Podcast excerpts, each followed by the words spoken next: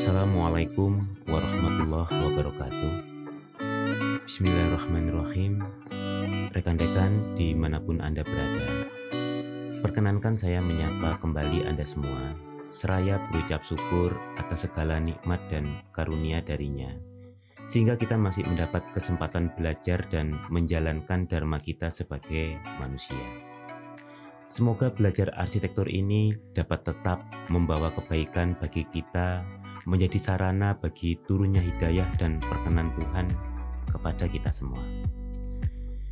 Rekan-rekan, setelah kita belajar tentang arsitektur Indonesia dan kemudian menengok apa itu arsitektur tradisional yang merupakan salah satu sumber menuju arsitektur Indonesia, Kali ini kita akan belajar tentang sebuah fenomena usaha anak bangsa yang disadari atau tidak merupakan upaya untuk menemukan jati diri arsitektur Indonesia.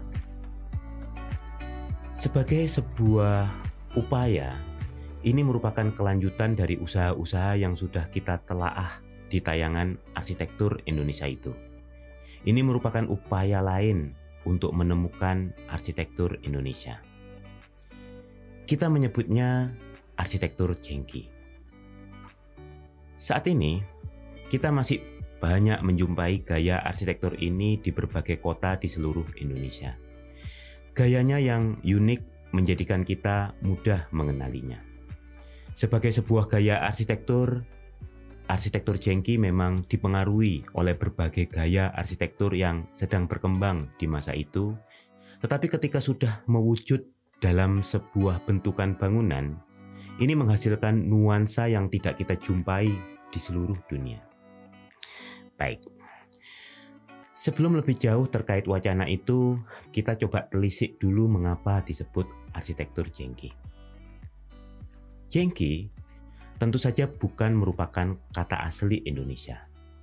Sebagian pendapat ini merupakan serapan dari kata Yankee di Amerika di mana istilah itu dipakai untuk menyebut orang-orang baru di Amerika bagian utara sana. Di Indonesia, istilah jengki digunakan untuk menyebut model fashion, jenis sepeda, sepeda jengki misalnya, mebel, dan juga arsitektur. Kita menduga istilah ini digunakan untuk menyebut sesuatu yang asing, sesuatu yang aneh, sesuatu yang di luar mainstream. Model celana jengki adalah model di mana bagian bawahnya sempit. Sampai dulu pada tahun 1950-an sempat ada razia model celana ini karena dianggap bawaan neokolonialisme. Jadi kalau di bioskop atau keramaian Anda memakai celana yang sempit di bagian bawah, nanti ada polisi yang memasukkan botol bir di bagian bawah celana Anda. Bila tidak lolos, maka celana Anda akan digunting.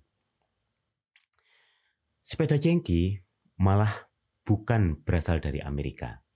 Sebutan sepeda ini merujuk pada sepeda-sepeda produksi Cina, misalnya sepeda Ponix, yang di tahun 70-80-an populer di seluruh Indonesia. Tapi intinya sepeda jengki muncul sebagai alternatif sepeda ontel yang sudah lama ada sejak masa kolonial Belanda. Bila sepeda ontel bergaya tegap, kuat, dan kesan formal, sepeda jengki ini ukurannya lebih sesuai dengan ukuran orang Asia, kompak, dan juga tidak ada pembedaan jenis kelamin pemakaiannya. Demikian juga arsitektur jengki. Gaya ini merupakan gaya arsitektur yang berusaha tampil beda dibanding dengan arsitektur sebelumnya.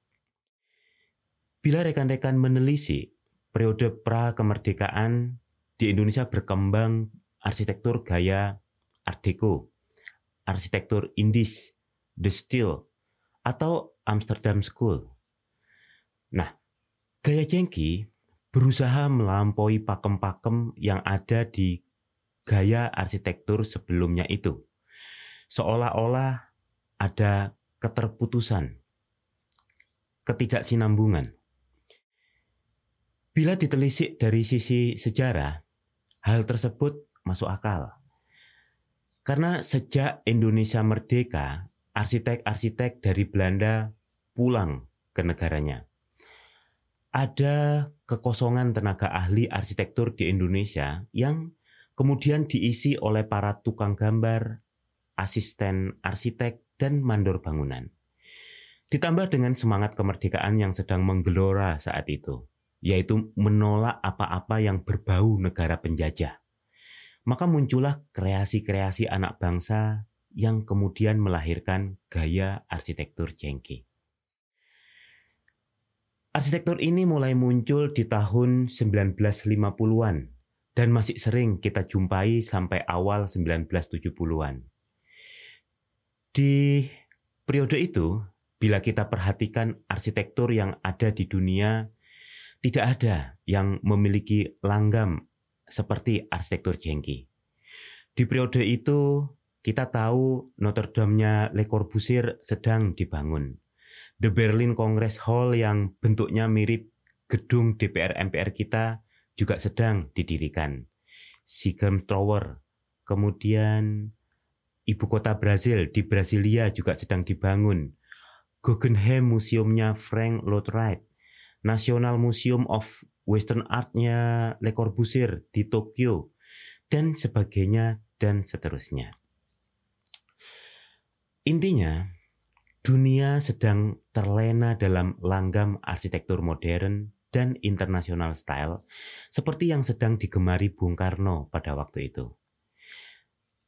Tidak ada yang bermain-main dengan atap miring asimetris dan tampang segi lima seperti arsitektur jengki. Bila kita ukur dari segi originalitas, tentu ini mendapat poin lebih. Dan ingat, ini bukan dirancang oleh arsitek sebuah profesi formal seperti yang kita banggakan hari ini yang bahkan barangkali tingkat pencapaiannya belum setara dengan kakek-kakek kita yang menghasilkan arsitektur jengki. Bahkan kalau kita telisik bagaimana mereka membuat jendela tidak selamanya segi empat, membuat dinding tidak selamanya tegak lurus, bisa saja kita mencurigai bahwa benih-benih gaya arsitektur dekonstruksi sudah lebih dulu dipraktekkan oleh senior-senior kita itu bahkan pada saat Jacques Derrida belum melontarkan pemikiran filsafat dekonstruksi yang menjadi landasan berkembangnya arsitektur dekonstruksi di dunia barat pada tahun 1980-an. Memberi pandangan baru terkait hubungan teks dengan makna. Memang ada beberapa pengamat yang menduga arsitektur jengki merupakan saduran tropis dari arsitektur modern abad tengah yang berkembang di Amerika pasca perang. Atau ada yang menghubungkan dengan gaya arsitektur Gugi yang berkembang di California dan sekitarnya. Gaya Gugi ini terobsesi dengan bentuk-bentuk futuristik seperti pesawat ruang angkasa atau imajinasi terkait UFO. Apakah benar demikian? Rekan-rekan bisa menyandingkan sendiri apakah arsitektur jengki sama dengan gaya arsitektur pasca perangnya Amerika atau sama dengan arsitektur gugi yang banyak dipakai untuk bangunan pom bensin, restoran cepat saji, motel, dan sejenisnya. Saya kira mereka yang menyampaikan pendapat itu kurang presisi dalam melakukan pengamatan. Memang di awal tahun 1950-an di Indonesia muncul beberapa bangunan yang karena semasa dengan arsitektur jengki dianggap sebagai arsitektur jengki. Rata-rata hasil karya dari arsitek Belanda terakhir kali sebelum mereka kabur dari Indonesia. Karya-karya mereka ini yang barangkali membuat arsitektur jengki dianggap interpretasi Indonesia terhadap arsitektur Gugi atau arsitektur Amerika modern pasca perang. Padahal itu bukanlah arsitektur jengki. Itu lebih kepada international style atau barangkali lebih dekat dengan dekoratif art. Baik. Rekan-rekan kita kembali ke arsitektur jengki yang kita bahas. Sudah banyak pemerhati pakar arsitektur, dosen, maupun kritikus arsitektur yang berusaha mendefinisikan ciri-ciri gaya arsitektur jengki ini. Beberapa ciri itu antara lain, pertama, permainan bidang miring, baik dari unsur dinding maupun tiang bangunan, sering kali menghasilkan bidang dinding berbentuk segi lima atau bentukan asimetris lainnya. Yang kedua, penggunaan atap pelana yang curam dengan kemiringan yang tidak sama. Atau bisa saja kemiringannya sama tetapi dengan ketinggian yang tidak sama. Jadi menghasilkan bentuk yang lebih atraktif. Ciri yang berikutnya bingkai beton pada jendela dan pintu dengan bentuk yang asimetris atau bentukan-bentukan lain yang tidak seperti umumnya jendela dan pintu. Kemudian yang keempat, teras dengan atap datar atau lengkung atau dimiringkan ditambah dengan elemen tiang berbentuk V yang dekoratif sekaligus menjadi vokal point dari bangunan tersebut. Kemudian yang keempat, pemakaian roster atau kerawangan untuk elemen estetis maupun fungsional yang dalam implementasinya dapat beraneka ragam bentuk, komposisi, perletakan, maupun materialnya. Uh, ciri yang keenam, permainan bahan finishing pada fasad bangunan. Ini bisa memakai batu-batuan atau dengan teknik finishing acian kasar yang saat ini dikenal dengan sebutan kamprot. Uh, Deretan ciri-ciri itu coba didefinisikan oleh para pakar arsitektur. Anda bisa mendapatkan urean terkait itu dengan mudah di buku-buku atau internet.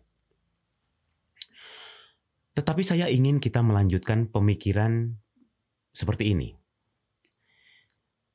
Sebagaimana terjadi pada hal-hal lain, ciri-ciri yang kita buat dan kita tempelkan pada sebuah fenomena tidak selamanya menggambarkan kenyataan fenomena tersebut.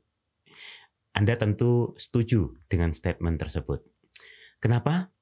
Karena definisi maupun ciri-ciri tidak lain adalah penyederhanaan dari sebuah fenomena untuk lebih mudah dipahami. Maksud saya begini, rekan-rekan. Bila kita ingin menerangkan apa itu buah nangka misalnya kepada orang yang belum tahu buah nangka, maka kita akan membuat definisi dan menyebutkan ciri-cirinya. Misalnya, nangka adalah buah tropis yang berkulit tebal dan rasanya manis. Nah, definisi itu bisa jadi benar, tapi tidak menggambarkan buah nangka secara presisi. Kalaupun katakanlah kita mencoba membuat ciri-cirinya, misalnya kulitnya berduri, warnanya hijau kekuningan, memiliki getah, dan buahnya berwarna kuning. Oke, deretan ciri-ciri itu betul, tetapi tetap tidak dapat menghindarkan orang untuk salah buah. Misalnya, dengan ciri-ciri yang sama orang akan sampai kepada buah durian. Sama-sama berduri, sama-sama buahnya berwarna kuning, kulitnya hijau kekuningan, sama. Maksud saya, ada keterbatasan bahasa dalam mengungkapkan sebuah fakta. Ketika Anda ingin menggambarkan bentuk fisik nangka, apa istilah yang tepat? Tentu bukan kubus. Bentuk bola? Bukan juga. Uh, elips tiga dimensi atau bola tapi lonjong. Tidak mudah, bukan? Saya hanya ingin menyampaikan kepada rekan-rekan, ya mbok jangan terlalu mendewakan definisi dan ciri-ciri untuk memahami sesuatu, termasuk ketika kita hendak memahami arsitektur jengki ini. Di berbagai karya ilmiah, skripsi, jurnal, dan buku-buku, saya lihat mereka seolah kewalahan untuk membuat kategori, tipologi, morfologi arsitektur jengki ini. Sehingga kita ketika bicara tampang muka rumah jengki, mereka mencoba mendefinisikan seperti ini. Rumah jengki biasanya memiliki fasad berupa dinding pentagonal segi lima, tetapi berdasarkan kajian kami ada juga beberapa yang tidak segi lima karena atapnya datar. Coba rekan-rekan perhatikan. Rekan-rekan bisa kebayang betapa kerepotannya para pemerhati arsitektur itu sehingga membuat statement seperti itu. Padahal kita bisa melihatnya secara lebih rileks.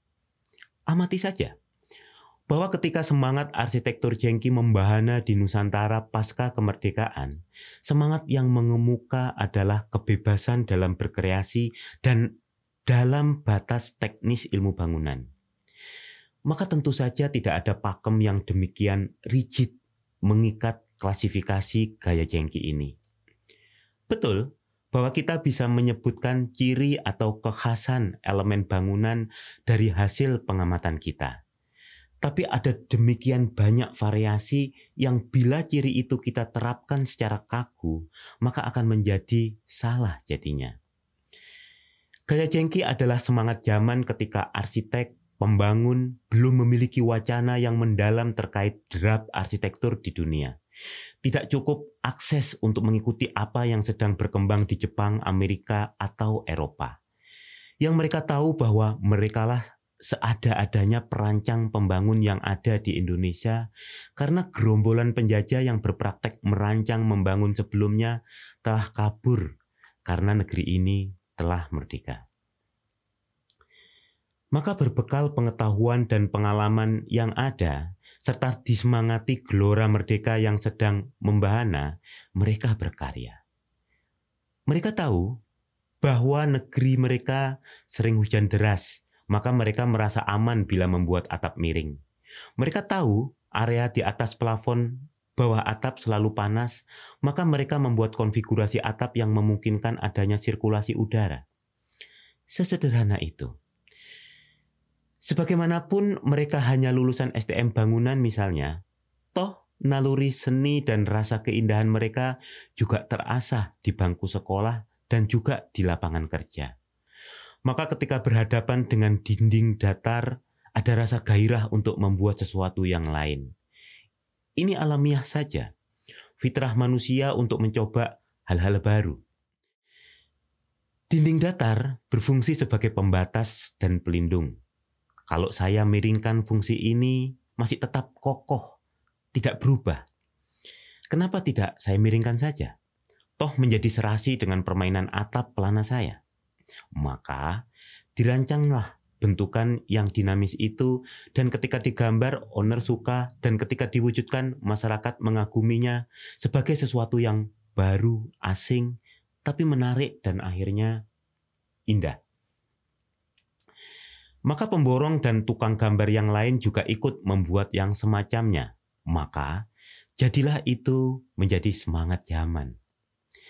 Dan ketika menyebar serta terjadi duplikasi, peniruan, orang terinspirasi, diikuti terjadinya pengembangan-pengembangan. Karena pada dasarnya orang ingin meniru tetapi juga tidak ingin sama persis. Kalau rekan Anda semuanya memakai iPhone misalnya, dan itu dianggap menggambarkan sebuah status, maka Anda akan juga ikut memakai iPhone agar masuk dalam komunitas itu. Tapi Anda akan membuat iPhone Anda juga berbeda. Misalnya dengan membeli yang lebih canggih, diberi casing mewah, dan seterusnya dengan tujuan agar Anda bisa berbeda dengan rekan Anda. Begitulah. Maka wajar bila gaya jengki ini semangatnya bisa sama, tetapi ada variasi di sana-sini dalam implementasinya. Dan tidak heran bila peneliti, pengamat arsitektur tidak begitu mudah membuat karakteristik gaya jengki ini. Rekan-rekan, ada pelajaran menarik yang bisa kita ambil dari fenomena arsitektur jengki ini. Yakni bahwa ini adalah gerakan tanpa tokoh. Tidak kita kenal arsitek atau animer sebagai penggeraknya. Tidak ada pahlawan perorangan dalam perjuangan mencari jati diri bangsa yang ini. Ini adalah gerakan bersama yang mencari ketenaran bukanlah motivasi utama sang arsitek. Menorehkan namanya dalam lembar sejarah arsitektur bukanlah cita-cita para pemelopornya.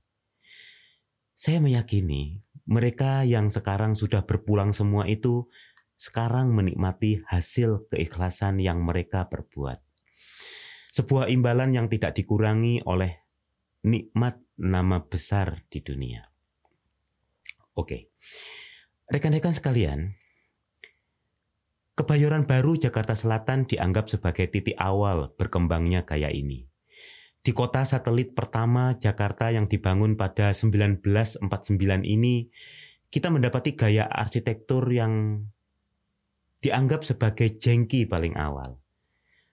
Tidak di seluruh kawasan Kebayoran Baru tentu saja, tetapi ada di beberapa titik seperti Jalan Martimbang, Jalan Pakubuwono, dan Jalan Wijaya. Misalnya di perumahan karyawan perusahaan minyak BPM yang menggunakan gaya arsitektur ini untuk desain rumahnya. Dan berikutnya gaya ini juga digunakan di kota-kota lain di mana BPM, Batasja Petroleum Matasji, beroperasi. Misalnya di Balikpapan, Kalimantan Timur. Sebagai sebuah gaya yang menarik karena bentuknya yang atraktif, maka rumah model ini banyak digunakan untuk perumahan jawatan atau pegawai pemerintah misalnya Bank Indonesia, Auri, Dinas Pajak, dan seterusnya. Karena kemudian dipersepsi unik dan akhirnya elit, golongan menengah atas di daerah-daerah lain juga mengadopsi langgam arsitektur ini. Juragan tembakau, perumahan PTPN, pemilik pabrik, juragan batik, dan seterusnya. Karena rumah jengki kemudian naik kelas, dipersepsi sebagai gaya kelas atas. Uh, rekan-rekan sekalian, selanjutnya saya ingin mengajak Anda semua untuk merenungkan bagaimana kita perlu bersikap terhadap peninggalan yang berharga ini. Begini, bila rekan-rekan menyimak berbagai literatur, buku, jurnal, atau artikel tentang arsitektur jengki ini, sering kali penulis mengumpulkan kesedihannya karena semakin sedikitnya rumah jengki yang bertahan dari gerusan zaman. Hmm, saya kira keresahan semacam itu wajar saja seperti halnya keresahan sebagian kalangan terkait semakin punahnya arsitektur kolonial di Indonesia. Mereka meratapi heritage building yang tidak terurus atau roboh dan dirobohkan satu persatu. Tapi apakah keresahan seperti itu tepat 100%? Suatu rasa yang benar-benar mulia, sikap yang memang seharusnya diambil? Coba pemikiran seperti itu kita kaji lebih dalam. Apakah kita berpikir bahwa semua bangunan yang telah berdiri tidak boleh diubah oleh pemiliknya? Mungkin rekan-rekan akan jawab, boleh, bangunan yang berdiri boleh diubah, tapi ada beberapa yang perlu dipertahankan karena alasan tertentu. Oke. Tentu, bila ditanya rekan-rekan akan menjawab bahwa alasan tertentu tadi itu sebuah bangunan dipertahankan itu karena nilai sejarah yang dikandungnya atau posisinya di konfigurasi perkotaan yang penting atau karena gaya bangunan yang bernilai. Begitu kan? Kemudian, siapa yang menentukan sebuah gaya sebuah bangunan bernilai tinggi sehingga perlu dipertahankan? Pendapat orang per orang atau ada institusi yang akan menilainya? Tentu rekan-rekan akan menjawab, ya, institusi yang disepakati yang akan menentukan. Oke, bila demikian, kenapa rekan-rekan sedih bila ada sebuah bangunan yang menurut rekan-rekan bernilai tinggi dan dirobohkan pemiliknya? Padahal bangunan itu tidak masuk dalam kategori cagar budaya, heritage building, tidak masuk dalam pergub cagar budaya atau PP bangunan konservasi. Apakah karena anda berpendapat bahwa walau bukan kategori heritage building, sebetulnya bangunan itu memiliki gaya bangunan yang bagus sehingga harus dilestarikan. Anda berharap semua orang menyetujui pendapat Anda terkait nilai sebuah bangunan. Bagaimana dengan pendapat lain misalnya, ini rumah saya, dan sekarang kebutuhan keluarga saya bertambah, maka saya akan merenovasinya sesuai kebutuhan saya. Apakah itu salah? Apakah bukan rekan-rekan yang egois bila menolak keinginan pemilik rumah tersebut? Tidak ada hukum yang dia langgar. Kalau terkait etika, nilai moral mana yang menghalangi dia melakukan pembangunan untuk memenuhi kebutuhan keluarganya? Atau pemikiran lain yang lebih pragmatis, dia tidak suka dengan gaya bangunan itu. Dia merasa tidak nyaman dengan rumah yang mulai ditinggali semenjak zaman kakeknya itu. Dia ingin mencapai kebahagiaannya dengan merubah bangunan itu. Bangunan jengki dirobohkan dan dibangun rumah baru sesuai dengan kenyamanan yang dia persepsi. Di mana letak salahnya dari tindakan itu? Itu rumah mereka sendiri. Mereka yang membangun sendiri dengan gaya bangunan yang mereka tentukan sendiri pada awalnya. Dan sekarang mereka sudah bosan, maka akan mengganti dengan gaya bangunan baru. Di mana letak salahnya? Ini saya menggoda rekan-rekan dengan pemikiran yang barangkali tidak biasa rekan-rekan dengar. Saya hanya ingin kita adil sejak dalam pikiran dan meneruskan pemikiran itu pada berbagai kemungkinan yang ada. Kalau masing-masing kita memiliki pendapat terkait apa yang baik, bernilai tinggi dan karenanya harus dipertahankan, bisa jadi nanti ada larangan kita membongkar apa pun yang sudah terlanjur kita dirikan. Bayangkan dalam sejarah sebuah kota, misalnya nanti berusia seribu tahun kota itu, ada berapa gaya bangunan yang harus dipertahankan. Artinya bila ingin membangun yang baru, kita harus mencari lahan kosong. Kalau sekarang masing-masing kota ada area kota tua, old town, maka berarti nanti kota baru kita saat ini akan menjadi kota tua juga lama-lama. Maka kemudian kita memiliki kota tua, kota lebih tua, kota lebih tua lagi. Begitukah? Maka yang akan terjadi kota akan membesar dengan cepat. Widespreading. Lalu apakah itu adil bagi alam? Karena artinya lebih banyak hutan yang harus ditebang, lebih banyak persawahan yang harus dibetonkan. Begitukah yang kita inginkan? Karena itu rekan-rekan, kita jangan berhenti di pemikiran yang menurut kita baik tanpa meneruskannya kepada dampak-dampak yang mungkin ditimbulkannya. Rekan-rekan, ini maaf, kita melantur ke mana-mana. Kembali ke arsitektur jengki. Rekan-rekan jangan khawatir. Kita selalu membahasnya dan terus mewariskan pembahasan ini kepada generasi setelah kita, sehingga wacana ini insya Allah akan tetap lestari. Nanti akan ada satu atau seribu bangunan jengki yang mampu bertahan dari sapuan zaman. Sebagai tonggak pengingat sekaligus monumen upaya pencarian kita sebagai bangsa untuk menuju jati dirinya. Bisa jadi nanti jumlahnya tidak terlalu banyak yang bertahan itu. Tetapi dengan demikian maka dia akan semakin berharga dan pasti kita akan lebih serius menjaganya. Tentu saja tidak semua varian dapat dilestarikan. Karena sebagai gerakan zaman barangkali ada ribuan varian jengki yang ada. Masing-masing kota memiliki cirinya, misalnya, atau bahkan masing-masing latar belakang pemiliknya memiliki selera sendiri-sendiri. Sehingga ada sekian model yang bila kita telisik, semuanya memang bergaya jengki. Saat ini beberapa komunitas giat berkeliling untuk mendokumentasi arsitektur jengki yang ada di seluruh penjuru Nusantara. Sahabat saya, Cahyo Novianto termasuk di antaranya. Saya kira ini merupakan tindakan yang lebih produktif dibandingkan meratapi proses kepunahannya. Dengan demikian, generasi setelah kita memiliki data yang cukup untuk kelak, terserah langkah apa yang diambil dari data yang kita selamatkan itu sesuai kondisi zaman di mana anak cucu kita berada. Paling tidak pengetahuan ini dapat diwariskan.